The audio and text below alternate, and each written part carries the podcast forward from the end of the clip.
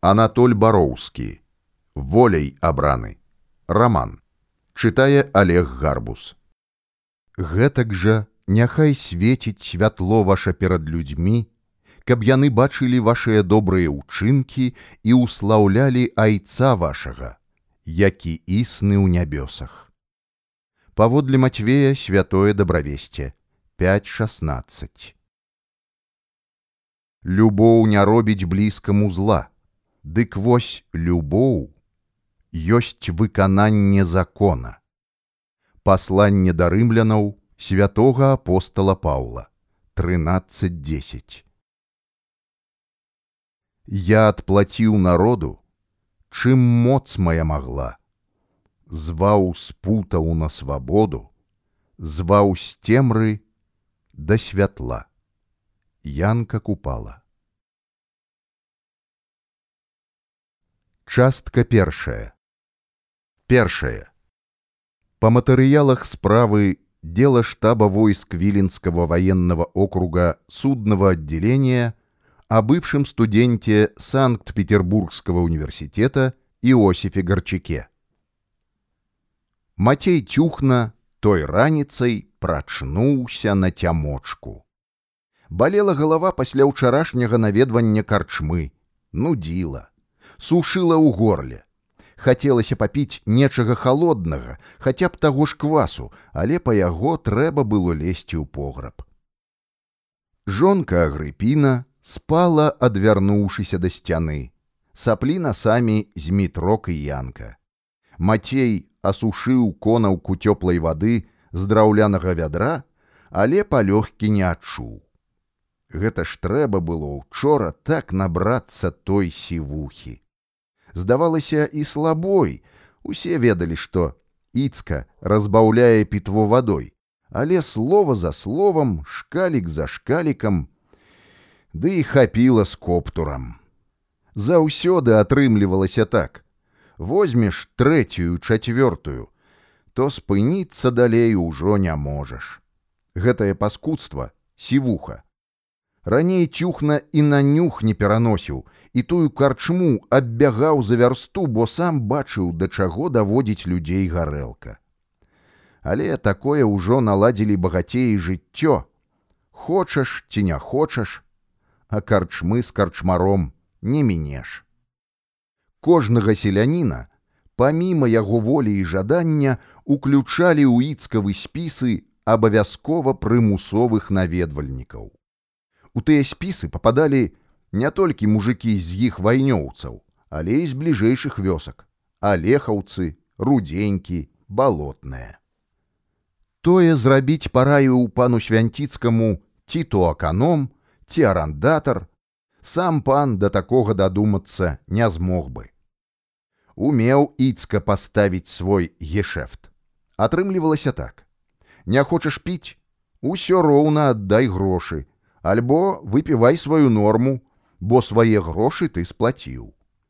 Як прывязаныся дно да той карчмы нябачнай вяровачкай, як той бычок, якога выправілі на пашу і прылыгалі да калка, убіўшы яго ў зямлю. І не разарваць яе тую вяроўчыну, не скінуць сябе. Учора ён і не збіраўся ў тую карчму, але і сам таго не заўважыў, як ногі прынеслі да парога іцкавай будыніны. Душа яго як бы раздзялілася. Адна палавінка загадвала павярнуць назад, папярэджвала, а другая маўкліва спраўляла свой клопат. Кіравала ім, акурат як цюхна кіраваў лейцамі, падганяючы свайго гнядога. Усё ж спусціўся ў пограб, не вытрымаў бо ведаў, што галаўны боль так і не пройдзе. Некалькі драўляных чарпакоў квасу выпіў адзін за адным. Пакрысе ў патыліцы пераставалі шпыраць нябачныя цвікі, суцішваліся і штуршкі крыві ў скроні. Тады ён набраў поўныя грудзі паветра і выдыхнуў. Боль не паўтарыўся. Дурноцтва ўсё гэта брыдота дакараў самога сябе мацей цюхна пан Езус не даруе мне гэтага не даруе Господь дазваляе піць віно але ж не да бяспамятства як толькі мяне терпіць жонка такога здаволіўшыся самоўшчуваннем пераканаўшыся што збольшага паправіў галаву ён рашыў вылезці з пограба але для большай перакананасці зноў апусціў чарпак у бочку з капусным расолам. Капуста ўжо заканчвалася але расолу яшчэ ставала. Крактануў ад задавальнення. Але зноў падступілася да яго крыўда. Прапіў частку з тых грошай якія яму даў чалавек. Аддзячыў за тое што ён мацей паабяцаў выканаць яго просьбу. Цюхна акурат з пакосу ішоў нагледзеў добрую ладку сакавітай травы за алёсамі па беразе балацявінкі трава была амаль да грудзей ніхто не апярэдзіў яго і як толькі ўзышло сонца ён і паклаў яе. Перад адыходам задаволена агледзеў высокія валкі. Капіт спяць набярэцца. Акурат з гэтым і будзе на зіму карове. Пераабуў лапці, адмыў іх ад набітай гразі ў раўчуку, схадзіў да крыніцы, бярозавым кадоўбцам зачарпнуў вады. Вада была халоднай колкай і таму ён піў маленькімі глыткамі, смакуючы. Ішоў вузкай сцежкай, якая вывела яго да больш шырокай, а потым выйшаў на бальшак, тракт. Па бальшаку ісці зусім нічога, ішоў да адзінокага дуба, што рос пры самай дарозе. Тады ён сыдзе з яе і ўжо ніколі не будзе збочваць, аж да самых вайнёўцаў. Ззаду пачулася ляскатанне таратайкі. Ён збочыў з дарогі, стаў і чакаў, калі яго аб'едзе параконка. Але нечакана экіпаж спыніўся насупраць мацея. На зямлю лёгка саскочыў малады хлапец і, прыхільна усміхаючыся, падышоў да цюхны. Езус пахвалёны, прамовіў незнаёмец, спыніўшыся каля касца. Похваленый, похваленый добрый человек. С козьбы? Так, накосіў трохі за ранак. Дадому цяпер. Ага, запазніўся троху. Пайшлі разам, пагамонім. Вазніца замахнуўся пугай на коня, тузануў лейцы і параконка пакаціла па дарозе. Незнаёмец правёў яе позіркам, ідучы побач з мацеем, папытаўся: І як жа зваць цябе, чалавеча? Мяне? Ды мацей я, цюхна. А ты хто і скуль будзеш? Здалёку я чалавеча з вільні, а заві ты мяне ясем. Пагаварыць хачу з табой. Як жывецца, ці не злыя паны ў вас? Цяпер мо палёгка для вас мужикоў стала. Маніфест жа цар бацюхна выдаў. Мацей пакруціў галавой, кісла ўсміхнуўся. Жартуеш, калі і ёсцека той маніхфест, дык у нас кажуць, яго падмянілі. Тыя ж паны падмянілі. Цар пісаў, каб нам вольную разам з зямлёй далі. Паны ж даводзяць, што такога ў маніхфесце няма, не прапісана. Кінулі костку, але мяса на ёй няма супраць цара значыць бунтуюць. Гэта так, ні мужику, ні сабаку не ўкусіць, не палізаць. О то добра ты сказаў, яська. Я з тыдзень таму ў Адельск ездзіў, на кірмаш. Бочачкі хацеў прадаць. Дзякуй Богу, раскупілі ўсё, бо танна. Нейкі чалавек на плошчы крычаў, што мужик павінен супраць паноў падняцца. Пра той жа маніхфест казаў, заклікаў на паншчыну не хадзіць. Вакол яго адразу процьма людзей сабралася. І я хацеў бліжэй падысці, ды жонка ад воза не адпусціла. І добра, што не пусціла, бо невядома адкуль з'явіліся салдаты на конях. Што там рабілася, страх Божы! І сёння перад вачыма стаяць акрываўленыя і пакалечаныя, затаптаныя конскімі капытамі людзі. Госць слухаў уважліва, не перабіваў. Не веру я, яська, цару, і маніхвесту яго не веру. А астатнія людзі, Мацей, вераць, з тваёй ці іншых вёсак. А хто іх разбярэ? Але ўсе незадаволеныя і паншчынай, і тым, што зямлі не даюць, як абяцана было. А ў карчме самыя буйныя заклікаюць падавацца ў лес і Мацей замоўк і азірнуўся. Ты ж як сам думаеш, Мацей, як твоя спіна думае, згодна наставіцца і храснуць под бізуном. Ці пойдзе мужик за тымі, хто захоча зрабіць людзей вольнымі, хто падыме незадаволеных і павядзе супраць царскіх салдатаў. Мацей спыніўся пільна паглядзеў у вочы свайму нечаканаму спадарожніку. Як усё роўна адчуў, што ў іх размове наступіў той галоўны момант, з-за якога відаць і спыніўся чалавек. Пойдзе. Калі яму растлумачыць, што і да чаго, нейкі дакумент павінен быць, пісаны, друкаваны, не такі падманны, як той маніхфест. А гэта ты здолееш прачытаць мацей.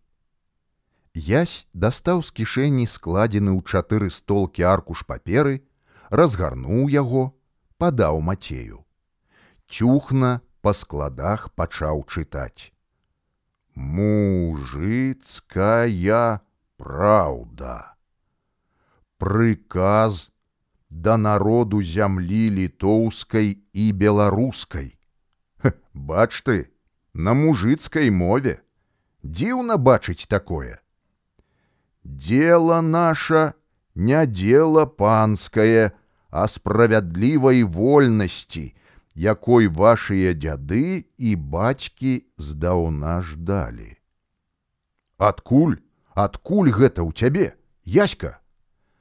Адтуль, паказаў некуды ўверх спадарожнік. Гэта сыдзе за дакумент скажы шчыра. Калі сапраўды адтуль, то гэтаму дакументу павераць усе. А ты б змог гэта прачытаць сваім аднавяскоўцам, у іншыя вёскі перадаць. Прачытаць змагу. Але адной такой паперчыны мала. Сатрэцца і паболей бы іх, га? Можна і паболей. Толькі вось што мацей, слухай мяне ўважліва. Гэта як бомба для царовых слугаў. Калі ж зловяць цябе з гэтым прыказам да народу зямлі літоўскай і беларускай, то і яшчэ ты мяне не бачыў, і я табе нічога не даваў. Ты знайшоў гэта вось на дарозе. Дамовіліся мацей. Цюхна нахмурыўся. Адчуў, як нешта халоднае прабегла па спіне, хаця ўжо ўбіралася ў сілу цёплая чэрвеньская раніца. Вось трэці нумар мужыцкай праўды. У ім расказваецца, што такое сапраўдная свабода. Нам не маніхфестаў, а вольнасці патрэбна і то вольнасці не такой, якую нам цар схоча даці, но якую мы самі, мужикі, з-паміж сабою зробімо. А вось гэта сёмы нумар нашай газеты. У ёй выкрываецца царскі ўказ ад першага сакавіка 1863 года. Царская рэкрутчына. Мы супрацьпастаўляем яму нашыя паўстанцкія дэкрэты. Мацей разгарнуў газету.